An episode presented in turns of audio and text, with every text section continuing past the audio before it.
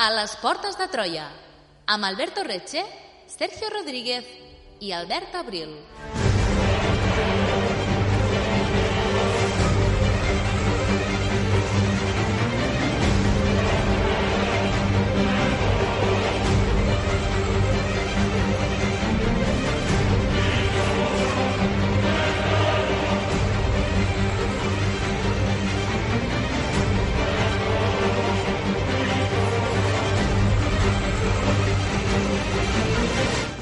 El 9 de juny del 68 després de Crist, el dit emperador artista, Neró, es va suïcidar posant punt i final a la primera dinastia imperial, la família Julio Claudia.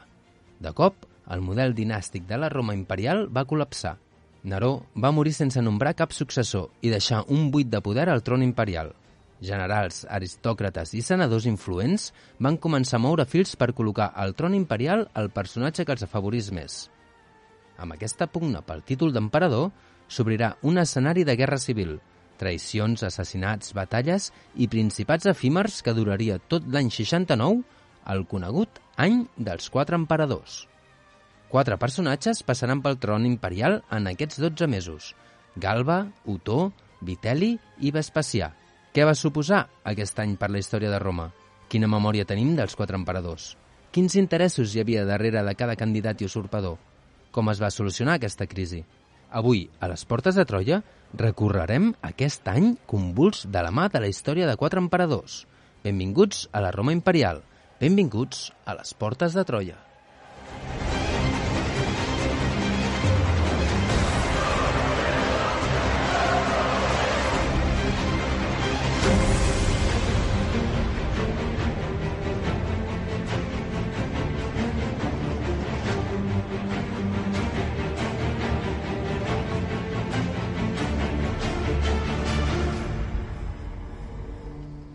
Benvingudes, benvinguts una setmana més a les Portes de Troia, el programa de ràdio d'història de la xarxa de comunicació local des dels estudis de Ràdio Castellar. Aquesta setmana per parlar d'un any on van coincidir quatre emperadors. I ho farem amb els nostres historiadors de capçalera, Albert Abril, benvingut, i Albert Torrecher. Com anem? Bones. Albert, és important l'any 69 per l'imperi romà? és, és important. Uh, és important per diversos motius, no? Uh, és un any de guerres civils, que no és una cosa ga gaire estranya en, en Roma, però podríem dir que és un any en què, per diversos motius, no? ja ho anirem veient al llarg del, del programa, es confirma una miqueta la idea de la Roma imperial, no? de l'imperi com a entitat territorial, perquè a diferència d'altres guerres civils, um, per molt que coincideixin quatre emperadors, ja veurem que no, no són paral·lels, no? sinó que es van solapant, són molt efímers, Uh, no es divideix en cap moment l'imperi, és a dir, no hi ha un emperador de la Gàlia, un emperador d'Itàlia i un emperador d'Hispània, per exemple, sinó que es, es manté la integritat de, de tot el territori imperial.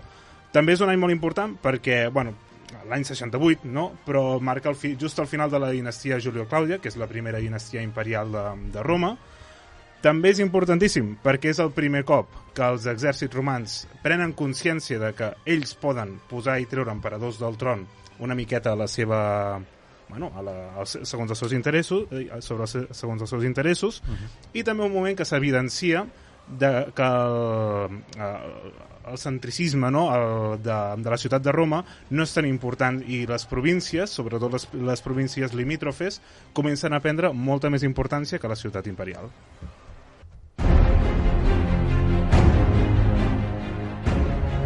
Segueix-nos a facebook.com barra Portes de Troia o a Twitter arroba Portes de Troia. Descarrega't el podcast des d'iBooks o iTunes.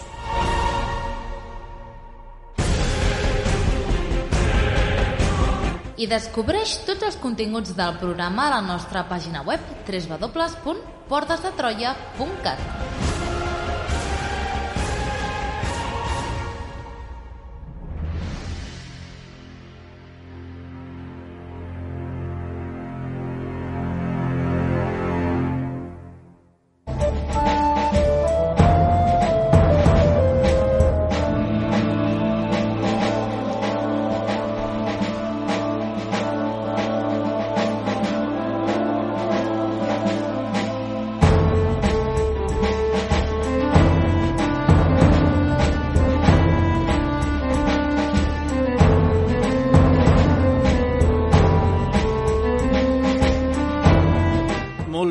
comencem el programa d'avui. Albert, i abans d'insar-nos en aquest any tan convuls, hem de saber alguna cosa?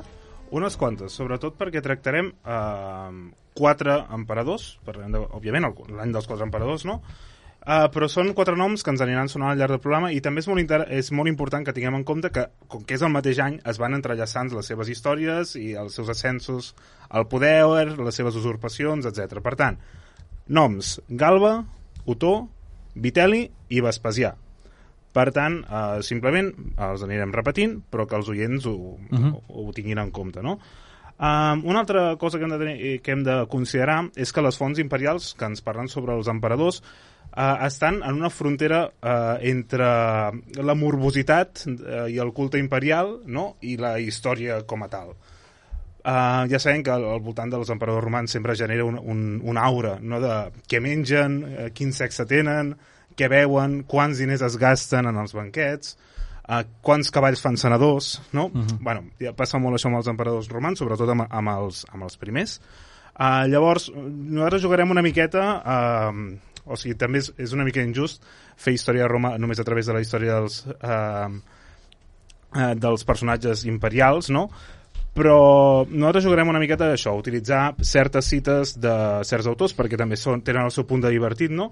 I sobretot utilitzarem a Suetoni, òbviament, el biògraf dels 12, els 12 Cèsars, no? que és un biògraf, per tant, treballa directament per la figura imperial, per tant, veurem que normalment són cites que afavoreixen uh, que, aquestes figures, uh, però també parla molt de la seva manera de vestir, del, uh, de, bueno, i posen en la seva boca grans cites, no? que normalment eh, les diuen abans de la seva mort o durant algun moment de la seva vida que tenen alguna importància, etc. I també tractarem amb, amb Tàcit, no? Tàcit que és potser un historiador més cínic, no? que no està tan lligat amb, amb la cort imperial i és el típic nostàlgic de, de la República Romana. Tot i això, també tira una miqueta de, de, bueno, d'aquesta morbositat cap als emperadors. Ah, I sobretot, també és una miqueta eh, troba a faltar el pes de Roma, no? O sigui, no li agraden gaire les coses provincianes a Tàcit. Per altra banda, eh, hem de tenir en compte també que, la, òbviament, la visió que tenim de la Roma imperial està molt esbiaixada, no? tant des d'Eduard de Gibbon amb la seva història de la cadència que diu de l'imperi romà del segle XVIII, que és una obra magna, no? però que eh, té moltes cosetes, té, molta, té moltes cosetes i ens planteja l'època imperial, sobretot l'època imperial dels Antonins i de la dinastia Flàvia com una època blanca, neta, esplendorosa, i potser no era per tant, no? Uh, el feixisme italià, òbviament, ha fet molt mal, el cinema, el cinema italià feixista i tot, i uh, també m'agradaria afegir la, el nostre gran amic, en molts casos, no?, que és la novel·la històrica, i que últimament precisament s'han fet molt famoses les novel·les de Santiago Posteguillo, que també parlen d'una Roma imperial molt, molt idealitzada. Pensava que anaves a dir el nostre gran amic Santiago Posteguillo. I jo pensava, no sé ni qui és. és el nostre amic i no ho saps. Sí. Um, I a part de tot això, també hem de tenir en compte un, un actor no? que comença a prendre importància just en aquell moment, que és la Guàrdia Pretoriana. Doncs jo crec que això seria important, no? perquè qui més, qui menys, tothom ha sentit a parlar ni que sigui una mica de, de la Guàrdia Pretoriana, però exactament què és? Què és un, la Guàrdia Pretoriana? Què hem de saber sobre ells? La Guàrdia Pretoriana, al final, és una institucionalització d'una cosa que ja existia, no? De, durant la República, els generals romans, en els campaments, en els càstrums, siguin mòbils o siguin permanents, eh, sempre tenien una guàrdia personal, no? I aquesta guàrdia personal, doncs, eh, estava apostada, no?, vigilant el, el pretorium, no?, que era on hi havia el pretor, no?, el, el general d'aquell campament o d'aquella tropa. Uh, això al final s'acaba uh, durant les guerres civils de Cèsar, Pompeu, Marc Antoni, Octavi, no? Uh, augmenta moltíssim el nombre de, de, de guardes personals i finalment August ho converteix com una, una entitat uh, legal i, i una entitat uh, permanent no? i augmenta moltíssim el número que pot rodar entre els 500 i en algun moment de l'imperi 9.000 um, però una característica molt important i un conflicte que es troba August és que és l'únic cos armat que està dins la ciutat de Roma. Llavors això també és un gran conflicte quan August ho, ho instaura, no? Perquè a Roma, a la Roma republicana, no hi podia haver cossos armats dins de Roma. Llavors, el fet d'incloure això li va generar certs problemes, però bueno, ja veurem que al final ho aconsegueix. No tots els, eh, diguem, no, no tots els 9.000 eren dins de Roma, sinó que només eren tres cossos, però bé. Um, una altra cosa important dels, dels, de la Guàrdia Pretoriana és que Tiberi el que fa és otorgar-los molt més poder. De fet, el, el prefecte del Pretori, que seria el, el cap no, de la Guàrdia Pretoriana, assoleix més o menys la, el nivell de ministre de l'imperi, gairebé de conseller personal de l'emperador. Ja veurem que això els dona moltíssim poder a la Guàrdia Imperial, a la Guàrdia Pretoriana, ja ho anirem veient. Uh, finalment, la Guàrdia Pretoriana no es diferencia massa dels legionaris estàndards, però sí que cobren, uh, cobren doble, per tant, se'ls ha de tenir contents, no? I uh, ja com a última coseta és que es, es, és una guàrdia que s'acaba dissolent al segle III, per Dioclesià. Molt bé, l'any que tractarem avui, com deien, és l'any 69. Per tant, comencem a entrar en matèria. En línies generals, quin era el context abans que esclatessin les guerres civils, Albert? Jo tiro un any enrere i me'n vaig al 68. Mm. El 69 és terreny pantanós. Bueno, depèn del que tu vulguis. Uh, llavors, uh, l'any 68... No estarem tranquils, aquest programa. No estarem tranquils, estem moguts, estem moguts. L'any 68 és un moment en què governa l'emperador Neró, uh, conegut per, per tots els oients, Um, és un moment que les fronteres són, uh, estan estables. Recentment, abans de Neró, va venir l'emperador Claudi, no? que va ampliar els límits de l'imperi en Britània i Mauritània, amb dues províncies més. Neró el que fa és consolidar aquestes posicions, però just l'any 68 és un any que hi ha diverses revoltes, no? I, per exemple, nosaltres, per encetar el fil d'aquesta història dels quatre emperadors, ens centrarem en una revolta de la Gàlia. De la Gàlia a Lugundense, o la Gàlia Celta, que tenia la capital a l'actual Lió. Uh, aquesta revolta estava encapçalada per Vindex, i Vindex era el, bueno, era, era un personatge molt influent, molt influent del, de, de la Gàlia, de fet era, era el governador en aquell moment. El que fa Vindex és demanar ajuda al, govern, al governador de la Hispania Tarraconensis, que en aquell moment era Galba, no? i apareix el primer nom, de que segurament eh, serà el primer emperador de la nostra llista. No?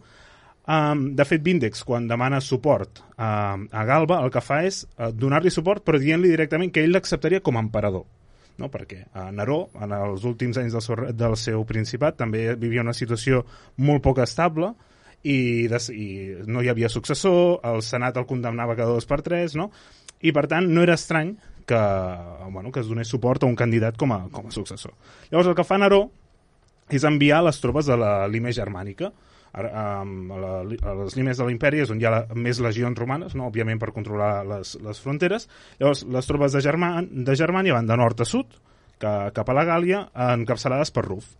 Ruf el que fa és vèncer a Vindex i l'exèrcit de Ruf proclama a Ruf emperador. No? Uh, Suetoni diu que Ruf rep la proclama tres cops i els tres cops refusa perquè Ruf era un gran romà molt digne. Uh -huh. Ja porto estona que tots semblen noms de gos. Ruf, Vindex, Galba... No sé, aquí hi ha un, un filó de, de... Bueno, al final els romans eren una mica gossos, no? També. Però a, això és usual? Ja, això de rebutjar fins a tres cops la, la dignitat imperial? Jo crec que no és usual i com, com veurem en aquest programa mmm, quatre personatges en un mateix any no ho refusaran, no? Ah, però potser el que sí que és usual, sobretot, és que unes tropes guanyin fidelitat amb el seu propi general. I això ens podríem remuntar a aquell, a aquell programa que van fer uh, la temporada passada, no sé si al febrer, mm, no, no me'n recordo, diria. o al març, no? de les reformes de Gaimari, que el que fa, o sigui, a part de totes les grans reformes que fa, doncs propicia que els legionaris es sentin, sentin una fidelitat personal cap al seu general. Llavors, sobretot, el, les legions apostades a les províncies imperials, que és on les, les províncies de frontera, que és on hi havia més exèrcits i és on els governadors tenien més poder militar, no és d'estranyar que hi hagi una fidelitat molt personal en aquest sentit. Um, clar, aquí veiem que Ruf, per exemple, el governador de Germània, que és el que aixafa la revolta, és el governador d'una província imperial, i eh, en Galba, en aquell moment, en aquell precís moment, la Hispània Tarraconensis és una província senatorial. Vale? Per tant, hi ha una petita diferència de forces, però eh, només per comparar. No? Eh, aquest fet de les fidelitats personals, ara és un moment en què es comença... bueno, ja s'havia vist a les guerres civils, no? ara es torna a veure, però on ho veurem més, més, més, és durant el període de l'anarquia, que és el segle III, que en aquell moment sí que hi ha tres imperis diferents de, de, de Roma. No?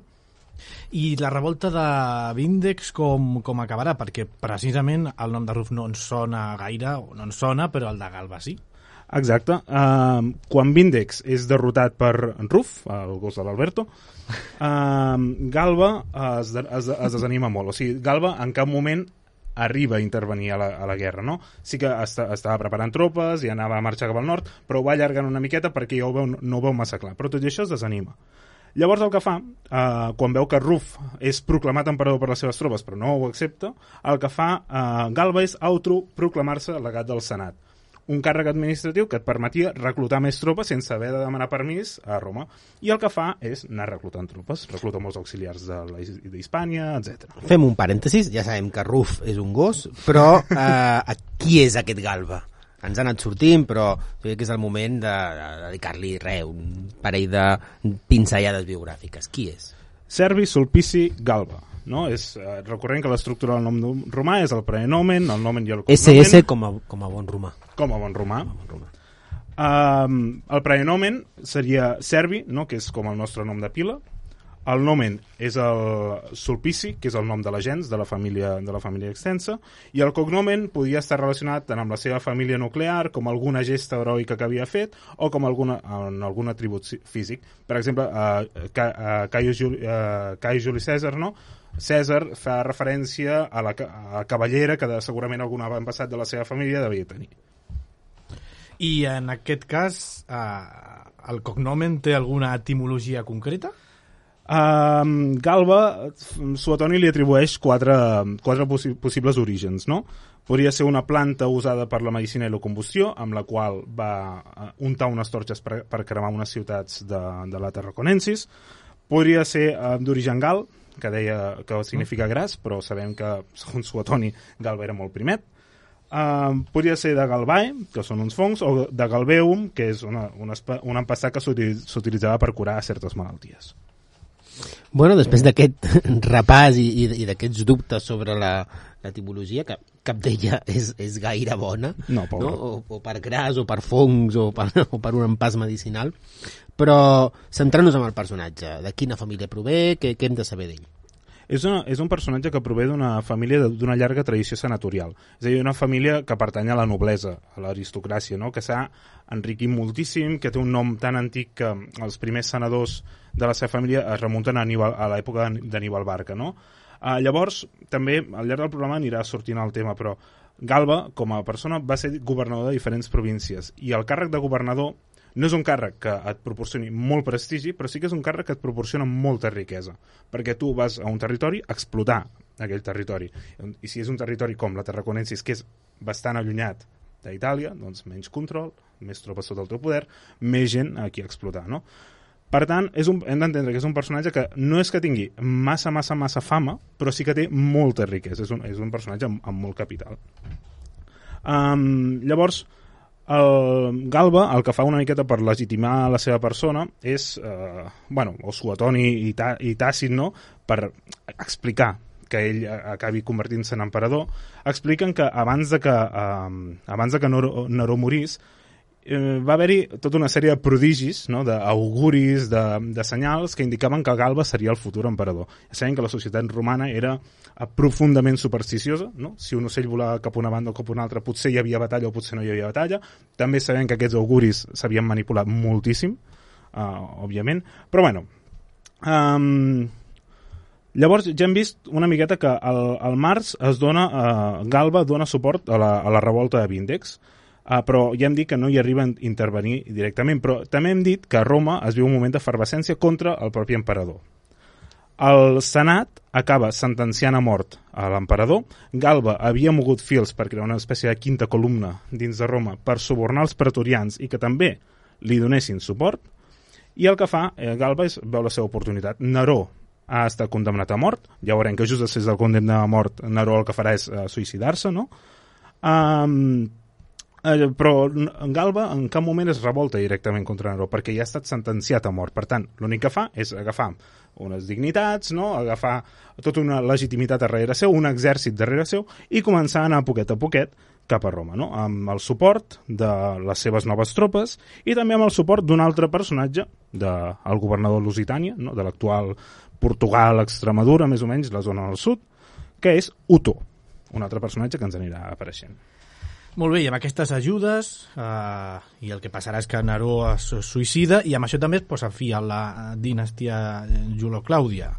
Um, es converteix Galba en el següent emperador, doncs? Afirmativament es converteix en el, en el següent emperador.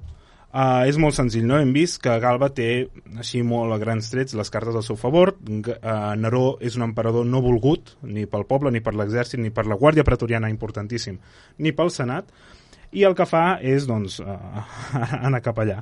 Galba és proclamat emperador el dia 8 de juny de l'any 98. Ara bé, hem de tenir en compte dues cosetes, no? Uh, Galba en cap moment fa una gran demostració de força. Si, simplement eh, no és un líder brillant, tampoc és un gran polític, però marxa sobre Roma només quan Neró és mort. Per tant, l'únic que veiem és que ell el que fa és veure una escletxa i s'hi posa directe i aprofita l'oportunitat. Però també és molt curiós que un personatge que, entre cometes, passa una mica desapercebut, només és important per la seva riquesa, arribi a ser emperador. I molts historiadors el que diuen és que eh, el Senat, la Guàrdia Pretoriana i, i els grans generals de l'exèrcit el veien com un parche és a dir, com un... Vale, ens hem quedat sense membres de la dinastia Julio Clàudia, per tant posem a un, a un personatge que sigui fàcil de manipular, que ens duri poquet, no? que sigui molt tranquil·let, perquè Galba, quan accedeix al tron, té 69, 70, 71 anys, més o menys, uh, però res, això el veuen més aviat com un pedaç. Des d'aquí una abraçada al president Biden.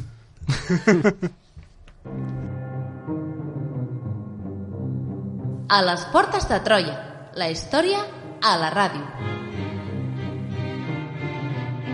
Descobreix tots els continguts del programa a www.portesdetroia.cat.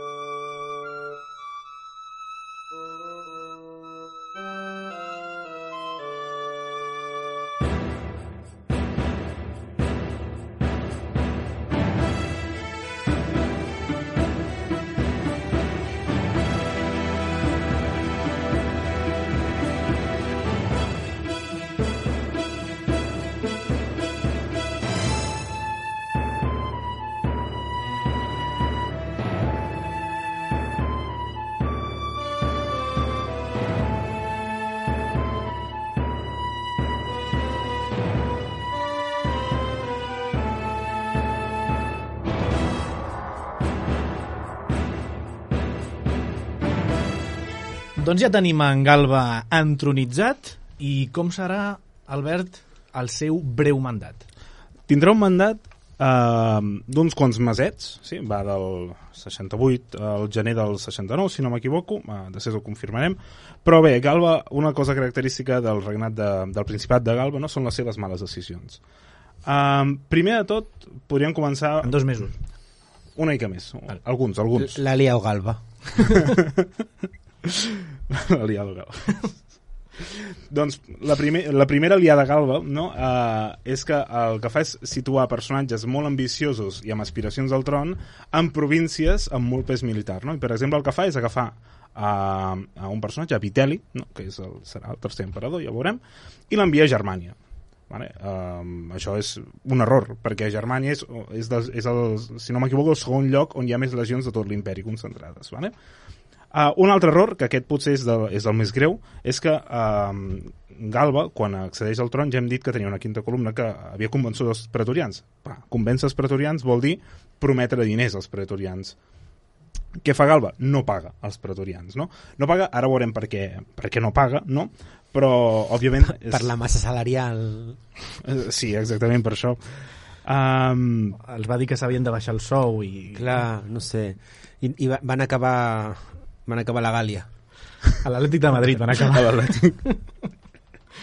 Perdona, Albert. No, no, això, això dona vida, dona vida al pobre Galba. Al Barça no, però a Galba... A Galba sí. És, podem dir-li Jordi Galba, també. Leo Galba. Ah, bueno, la, la qüestió és que uh, una altra mala decisió que pren Galba, bueno, mala decisió, segons per ell sí, no? Um, Otó dona suport a Galba i dona suport a Galba amb unes condicions no escrites no? i és que si ajuda a Galba, Galba, repetim, és un personatge molt vell, no té successors de la seva pròpia línia dinàstica en canvi Otó és un jove vigorós de 35, 36, 36 anys Així m'agrada. Um, i, el que, i el que hi havia implícit aquí és vale, jo t'ajudo a accedir al tron però tu nomenes successor què fa Galba? doncs uh, això no, o, o no agafa la indirecta o no, o no segueix el pacte que hi havia i és que Galba el que fa és acollir a Pissó no? uh, Pissó era una, un, un altre personatge que era molt més prestigiós que Otó eh, tenia, era més gran tenia una, uh, una carrera política molt més meteòrica no? però això òbviament a, a Otó no li agrada i què fa Otó? doncs és a Roma, es troba a Roma amb Galba com a conseller no sé què i comença a conspirar contra Galba no? sense fer res massa explícit, no? però sí començar a parlar amb els pretorians, a fer-se company i pròxim del, del prefecte del pretori, uh, etc. Una altra, uh, una altra coseta, mm, error o curiositat que fa Galba és que encunya monedes amb el nom de Vindex. Uh, Vindex, recordem que és el rebel que revela a la Gàlia en contra de Neró. Però és que, clar, Vindex és el primer que el proclama emperador, que li diu, jo és que et faria emperador. I això, a les legions de Germània, que recordem que eren les que van aixafar la revolta de Vindex, no els agrada. Uh -huh. I qui està ara de general a les legions de Germània? Vitelli. Com veiem, tot un, un seguit de bones decisions polítiques. Era, molta Galba, Galba tenia molta vista. Era una persona superadient pel càrrec, per altra banda. És sub, amb molta visió de futur, molta Eh, estratègia. tot això, home, venint d'un... Uh, estant enmig d'un programa dels quatre emperadors en un any i veient aquesta, aquest, aquesta rapidesa de reflexos per la política, tot això ens porta a suposar que estem ben aviat, no? que estem a prop de la fi d'aquest personatge. Exacte, de fet, Galba, el nostre Joe Biden de l'antiga Roma, eh, amb 70, Ara tinc la 71 cara, anys, la cara del Biden. podríem posar dues fotos de costat, un bust de Galba i... Mare meva. A veure, Senyor molt gran. Uh, el tenim plantat en el tron imperial de Roma, però amb dos enemics claríssims i a més poderosíssims. No tenim autor dins de la pròpia Roma amb el suport de la Guàrdia Pretoriana, és a dir, ni el propi emperador té el suport de la Guàrdia Pretoriana perquè, recordem, no els ha pagat, i tenim a Vitelli, a la província, no recordo si era la Germània superior o inferior, però una de les províncies de Germània, amb unes legions que l'estan idolatrant. Per què? Doncs perquè, bueno, ja ho hem explicat abans, no? amb el tema d'en Vindex i tot. De fet, tenim l'anècdota de que les legions de Vitelli a Germània tiren al terra les estàtues de Galba. Vull dir que és un ca- caldo de cultiu perfecte perquè en aquest senyor li, no, no li acabia anant gens bé la cosa, no? El 15 de gener de l'any 69, veiem que el seu eh, estrena l'any molt bé, no? el 15 de gener, eh, Galba i Pissó, el que havia anomenat el seu successor, són assassinats pels pretorians. No? Ja, després, quan parlem d'Otó, ja parlarem una miqueta més d'aquesta conjura i de com, i de com passa això, uh -huh. però, bàsicament, els, mat, els maten a tots. No? Llavors, Tàcit eh, fa molt el que fa Tàcit sempre i li posa en la seva boca aquestes paraules. No? Diu, mateu-me si és pel bé de la república. Oh. No, Això venint d'un emperador també és, eh, curiós. és curiós, és tot un, un sense sentit el personatge. Uh, per tant, tenim a Galba mort el 15 de gener i tenim dos candidats al tro. Tenim a Otó, que és, es troba a Roma i acaba està trepitjant el cadàver de Galba amb la guàrdia pretoriana, i tenim a Vitelli, que uh, està avançant cap a Roma amb les seves legions de la província de Germània. I com tu és a Roma, pues, serà ell emperador i serà la següent figura que tractarem en aquest convuls any. Exacte, tenim el senyor Marc Salvi Otó. Mm. Vale? Uh, de fet, Otó, el, els, els primers que ho llegeixen, recorre molt a un nom germànic, no, la dinastia dels, dels, dels otònides, però, òbviament, no, no té res a veure, sinó que és una uh, catalanització de la paraula llatina Otto, uh, que es, es veu que era un cognom uh, típic de, dels prínceps etruscos. Per tant, Uh, Otó és un personatge que remunta la seva gens, no, la, se la seva dinastia, en els, en els propis prínceps uh, etruscos. Uh -huh. Llavors, um, Otó formava part del cercle de confiança de Neró. Vale? Això, els, els oients que hagin vist la pel·lícula uh, Va de Retro, uh, apareix a, a la pel·lícula, no? Uh, Otó estava casat amb, amb Popea, llavors Neró s'enamora de Popea i obliga a, a Otó a divorciar-se d'ella i Neró agafa Popea com a, com a... crec que s'hi acaba casant, ara, ara no me'n recordo. Però bé, que al final que Neró i Popea, la exdona d'Otó, acaben establint una relació, però agafa a Otó i el designa guardià de Popea. I llavors Otó i Popea es reenganxen, no tornen a tenir relacions extramatrimonials, però Neró, òbviament, no li acaba d'agradar la situació. I d'un propi càstig, bueno, d'una pròpia condició que li havia fet ell, ell es posa gelós, no li agrada aquesta situació, i el que fa és ascendir Autor, un personatge eh, que està a la cort de Neró, no? l'envia a governar Lusitània, no? que és on, on ens ha aparegut de cop aquest personatge. És un ascens, és un ascens perquè guanyarà molts diners a Lusitània, però alhora també és un càstig, perquè l'està allunyant d'ell i l'està allunyant de, de Popé. És, és, com, és com un desterrament, no? Um, quan Galba es revolta contra Neró donant suport a Otó, uh, perdó, o sigui, quan Galba es revolta per primer cop contra Neró, Otó li dona suport perquè és una venjança i també és una manera d'acostar-se un altre cop cap a Roma. Um, en el moment en què Otó es revolta, en el moment que tenim a Otó com a gairebé emperador ja, és un personatge jove, ambiciós i també ric, perquè recordem que estat governador de la província de Lusitània. Molt bé, eh, ja ho has avançat abans, quan parlàvem del Principat de Galba, però Otó eh, gairebé immediatament comença a conspirar contra ell. Clar, quan Otó veu que no l'han nominat com a successor, comença a conspirar, no? Um, el que fa és el que fan tots els conspiradors que volen arribar a ser emperadors i és pagar la Guàrdia Pretoriana. Si tu vols ser emperador en aquell moment, has de tenir la Guàrdia Pretoriana al teu costat. Per... A no ser que siguis com Galba i siguis idiota.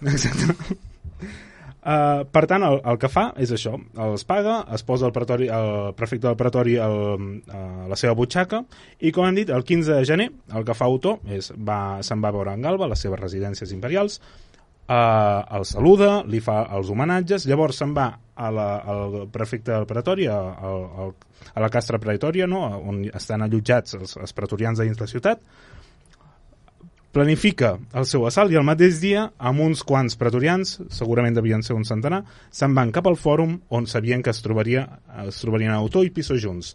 I el que fan, òbviament, entre tots una miqueta, és apunyalar-lo al mig del fòrum. Tenim, eh, eh, és la conjura que hem, que hem explicat abans, no? Eh, però allà mateix, per la Guàrdia Pretoriana, és aclamat emperador. Eh, Poc després entraria a la cambra del Senat i allà mateix doncs, l'ascendirien, no? li donarien les dignitats i li atorgarien totes les funcions que tindria el títol imperial. Molt bé, doncs entrem a conèixer quin és el mandat de- d'Otó. Hem, de, hem de saber alguna cosa destacable del seu, del seu mandat? Doncs Otó bat el rècord de, de mandat més curt, perquè crec que Otó sí que són dos mesos, o, o tres màxim, perquè recordem que mentre tot això està passant, Vitel·li està baixant de Germània amb les legions que li són, que li són fidels. Um, el primer que fa ell, per guanyar-se una mica uh, la legitimitat, del, sobretot del Senat, és intentar vincular la seva família amb la dinastia Julio-Clàudia. No? I, de fet, um, Tàcit ens explica que firma algun document amb el propi nom de Neró. Però, bueno, mm, una estratègia que pot tenir, bueno, que podria tenir el seu resultat i, òbviament, era molt important no? intentar-te vincular amb la- amb l'antiga família imperial, la primera família imperial. Um, de seguida bueno, de, de seguida veiem que no, bueno, no és que no té temps de fer res més, pobre. Vull dir, al, al final Otó l'únic que té temps és això, de, uh, de firmar alguns documents, d'implantar algunes lleis sense massa importància, i el que fa és, quan li arriben notícies de que Vitel·li s'està acostant, és intentar pactar amb Vitel·li. I li envia un escrit dient-li escolta, si no hi ha batalla, si no em plantes cara, doncs accepten com a emperador, però hem de tenir en compte que Otó té 36 anys, Vitel·li sí que era més gran. Um, jo sóc emperador, quan em mori ja ho seràs tu, et nomeno successor. A Vitel·li, òbviament, no li agrada, no li agrada la idea. Home, és un iogurín l'altre. És un iogurín de 30... Uh, de, o, bueno, o, ma- o, o mató, una mica més. un mató amb una mica de mel. Uh, la, la qüestió és que al final les tropes vitalianes arriben a la frontera d'Itàlia i a la frontera d'Itàlia forcen la batalla. Molt bé, ara sí que sí, comença a animar-se l'any. Estem a l'any 69 i per fi es treuen les espases. Comença el primer enfrontament armat. Com anirà?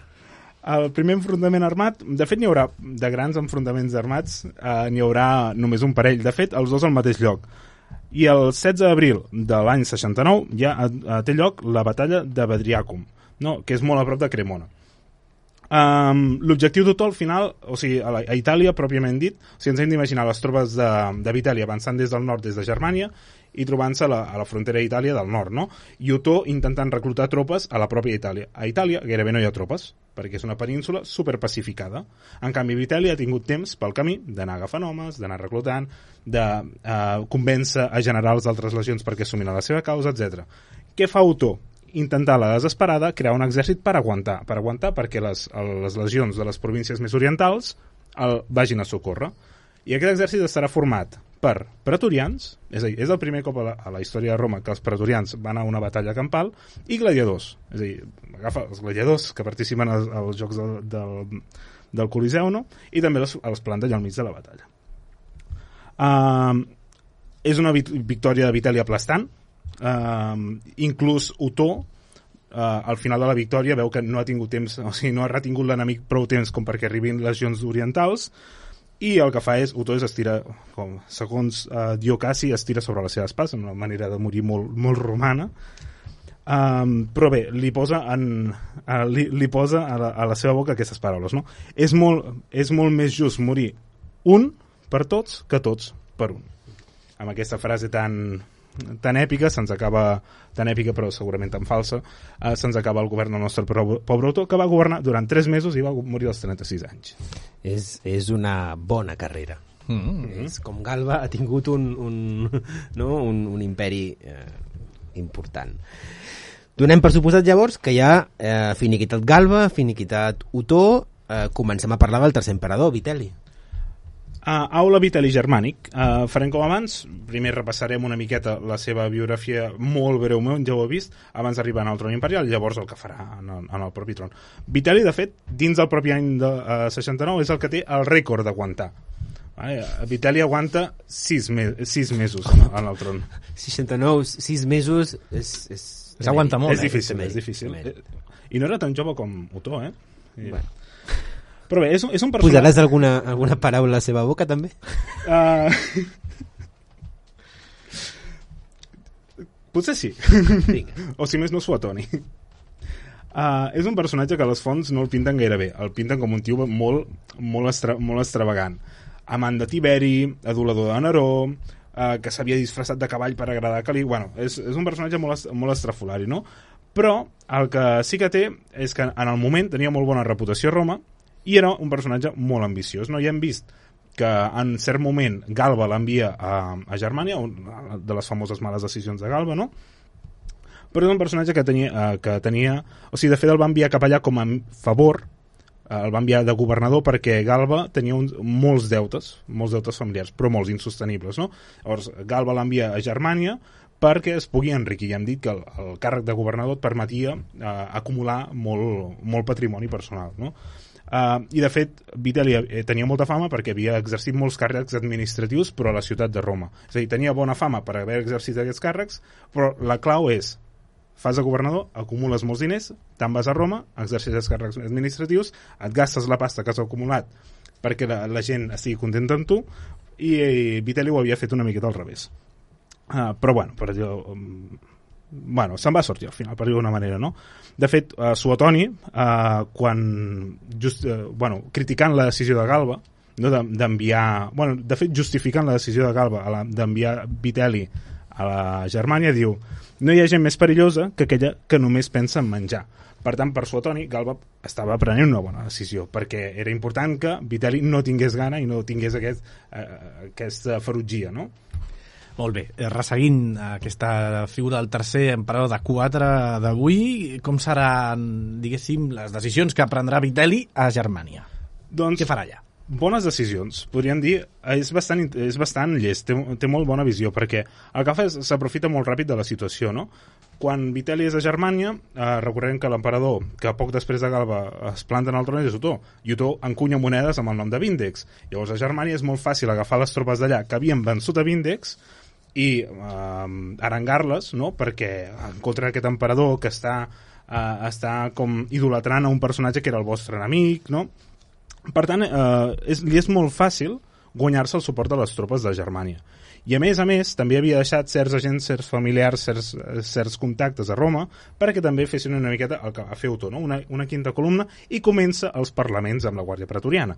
Aquest emperador, que no sé què, que és molt jove, que bla, bla, bla. És a dir, que també juga el paper de tinc l'exèrcit al meu favor, de Germània, i a part els pretorians comencen a adoptar una miqueta de les paguetes que els hi va donant a uh, Otó.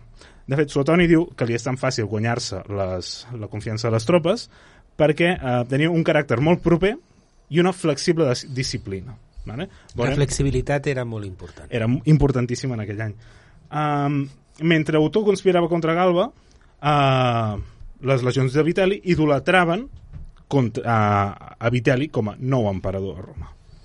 Molt bé, ja sabem com continua la cosa, no? Uh, Vitelli uh, ha vençut a la, a la batalla de Bedriacum i a partir d'aquí, uh, què hem de saber del personatge? Tenim alguna anècdota més d'aquest enfrontament? Alguna cosa que ens ajudi a, a tornar a, a conèixer una mica millor aquest per ara tercer emperador de l'any 69? Bueno, per, eh, la primera cosa és que ell no participa a la batalla, sinó que ell s'havia quedat amb, amb una legió una mica endarrerit, fent les, les seves cosetes, buscant fidelitat, segurament. Era, era de només mirar. era de només mirar.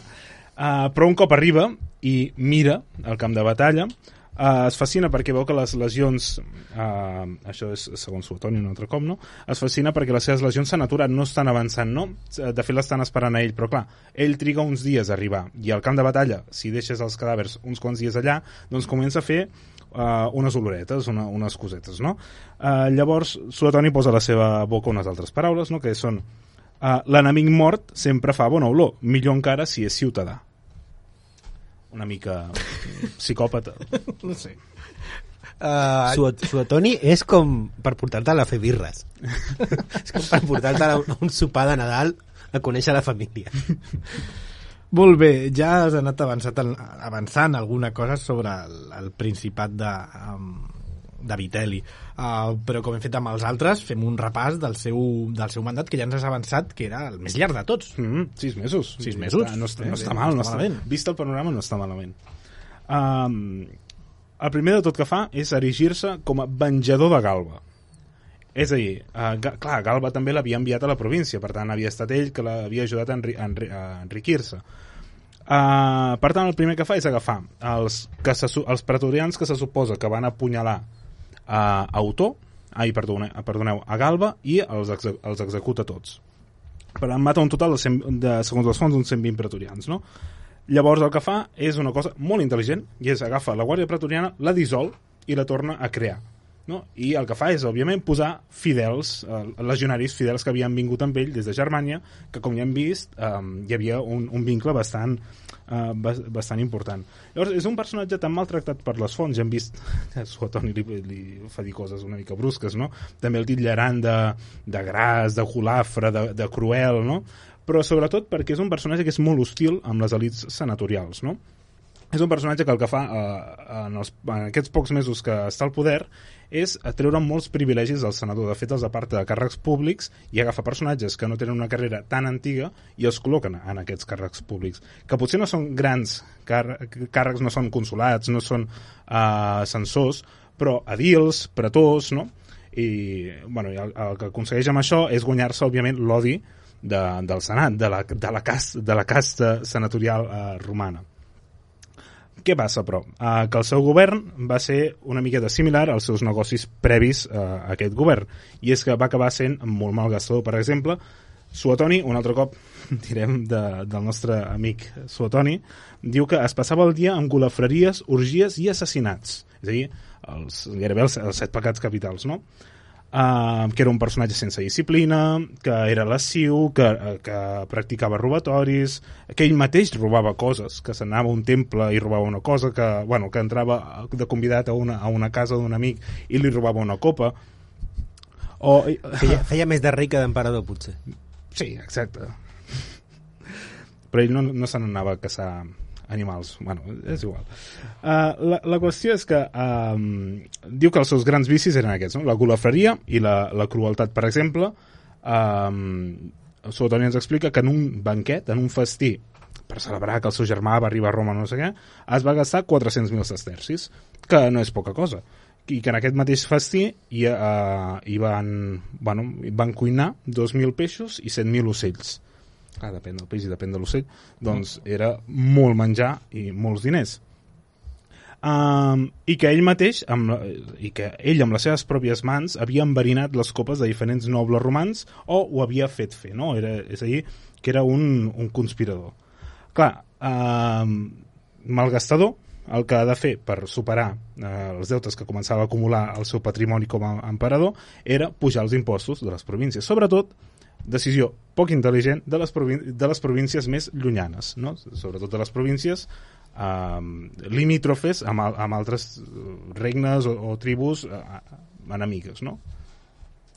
A les portes de Troia. Descobreix la teva història.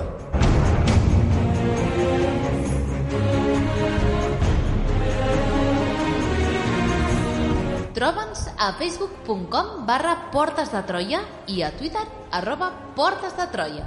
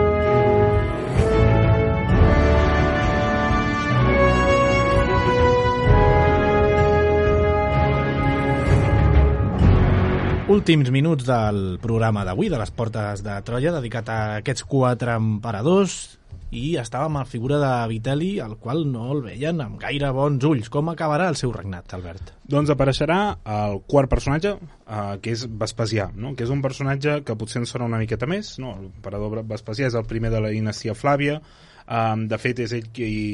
Ara no recordo si va ser ell o el, o el seu fill Tit, que és, són els que comencen a construir l'amfiteatre, no? l'amfiteatre Flavi, Um, però és un personatge que les fonts el tracten molt bé. És un, és un, és un general brillant, és un home uh, molt auster, molt honest, que no, bueno, que no fa gaire pompa, que no gaire gasta gaires diners, no com els anteriors emperadors, no? com per, per exemple Vitelli.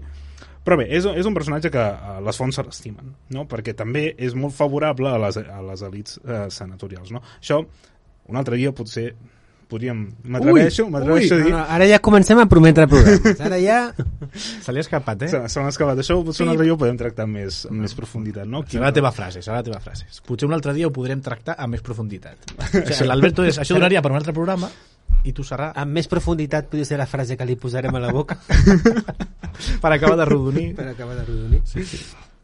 A veure, um, per tant, eh, tenim a Vitelli pujant, el, uh, apretant molt les províncies amb la seva pressió fiscal. Uh, llavors, el, el que fa Vespasià, que en aquell moment es troba com a governador de Judea, suprimint la, una, bueno, la, gran, la primera gran revolta dels jueus, de fet, el seu, bueno, després, després, després comentarem el que fa el seu fill a uh, Judea, no? Uh, el que fa, uh, el que fa uh, Vespasià és buscar-se aliances en la zona més oriental de l'imperi i el governador d'Egipte, que potser era no per dir la província més important, però potser la segona més important, bàsicament perquè era el graner de, de Roma, el governador d'Egipte el proclama emperador. Vale? Per tant, ja hi, tornem, ja hi tornem a ser. No?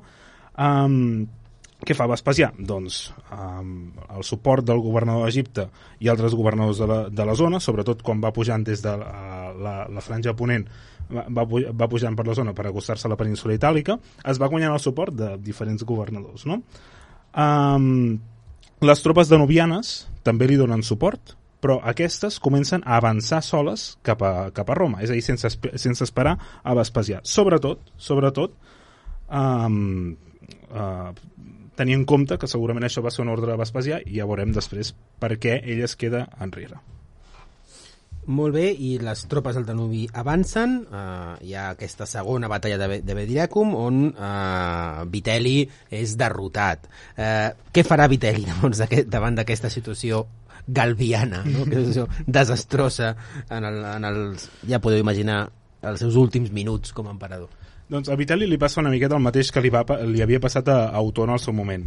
No es troba a la península itàlica, on no pot reclutar gaires tropes, on té poc temps per, reclu per reclutar tropes, uh, i les tropes danubianes uh, aixafen uh, l'exèrcit de, de Vitali. Llavors Vitali el que intenta fer quan torna a Roma és abdicar, però els pretorians no el deixen abdicar.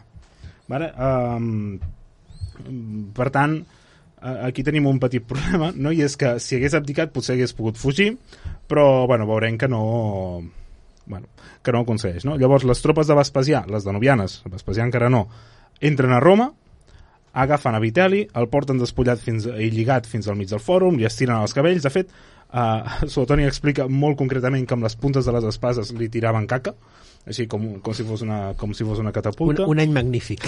Un any, un any per marcar. Uh, però bueno, finalment va ser apunyalat uns quants cops per als... Uh, per, aquest cop no per la Guàrdia Pretoriana, sinó pels legionaris de, um, danubians, i va ser arrossegat amb un ganxo, uh, finalment ja, fins al Tíber, i va ser tirat en el Tíber. Comentem una mica ràpidament la figura de Vespasià. Què hem de saber d'ell, Albert? Uh, Vespasià, ja dic, les fonts són molt favorables, no? Uh, és difícil discernir què és mm, real i què, no, i què no ho és tant, no? Però al final el, el pinten com un self-made man, no?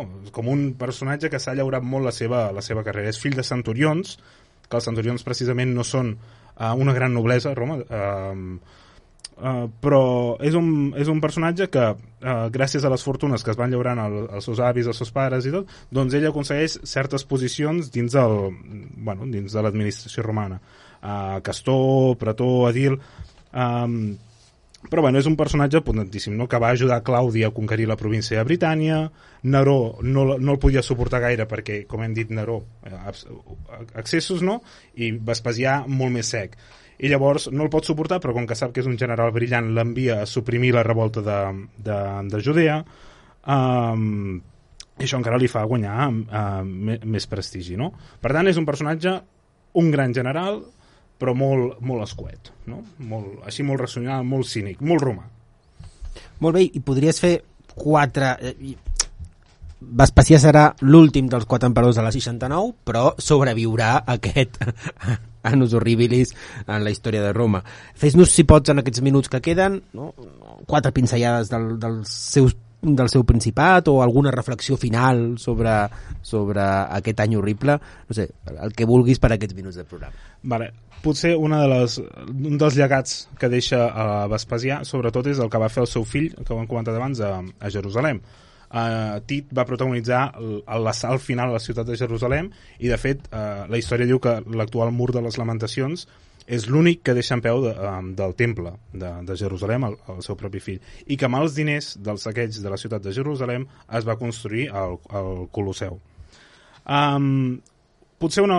O sigui, Flavi eh, instaura, in, inaugura la dinastia Flàvia, no? que és una dinastia que també dura molt poquet, dura només Flavi i els seus dos fills, que són Tit i Domicià, després ja vindrà a Nerva i Trajà inaugurant la dinastia Antonina, però aconsegueix mantenir-se al poder 10 anys, no? des del 69 fins al, fins al 79.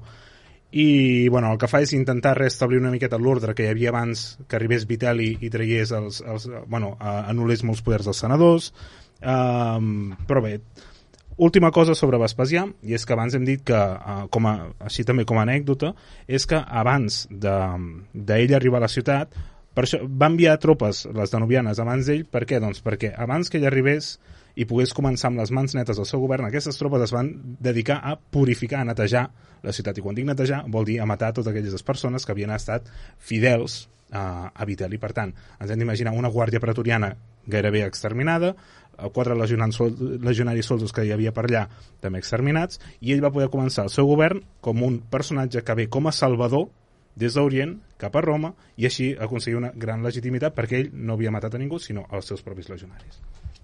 Doncs ja hem acabat. Ha donat de sí aquest any 69, eh? Ha donat de sí. Molt bé. Ha donat de sí. Doncs esperem que us hagi agradat. Moltíssimes gràcies a Alberto Reche, A tu. a Albert Abril, moltíssimes gràcies. A vosaltres. Al Salva Soler, al control tècnic, i qui us ha parlat, Sergio Rodríguez. Us esperem la pròxima setmana amb un nou programa de les Portes de Troia.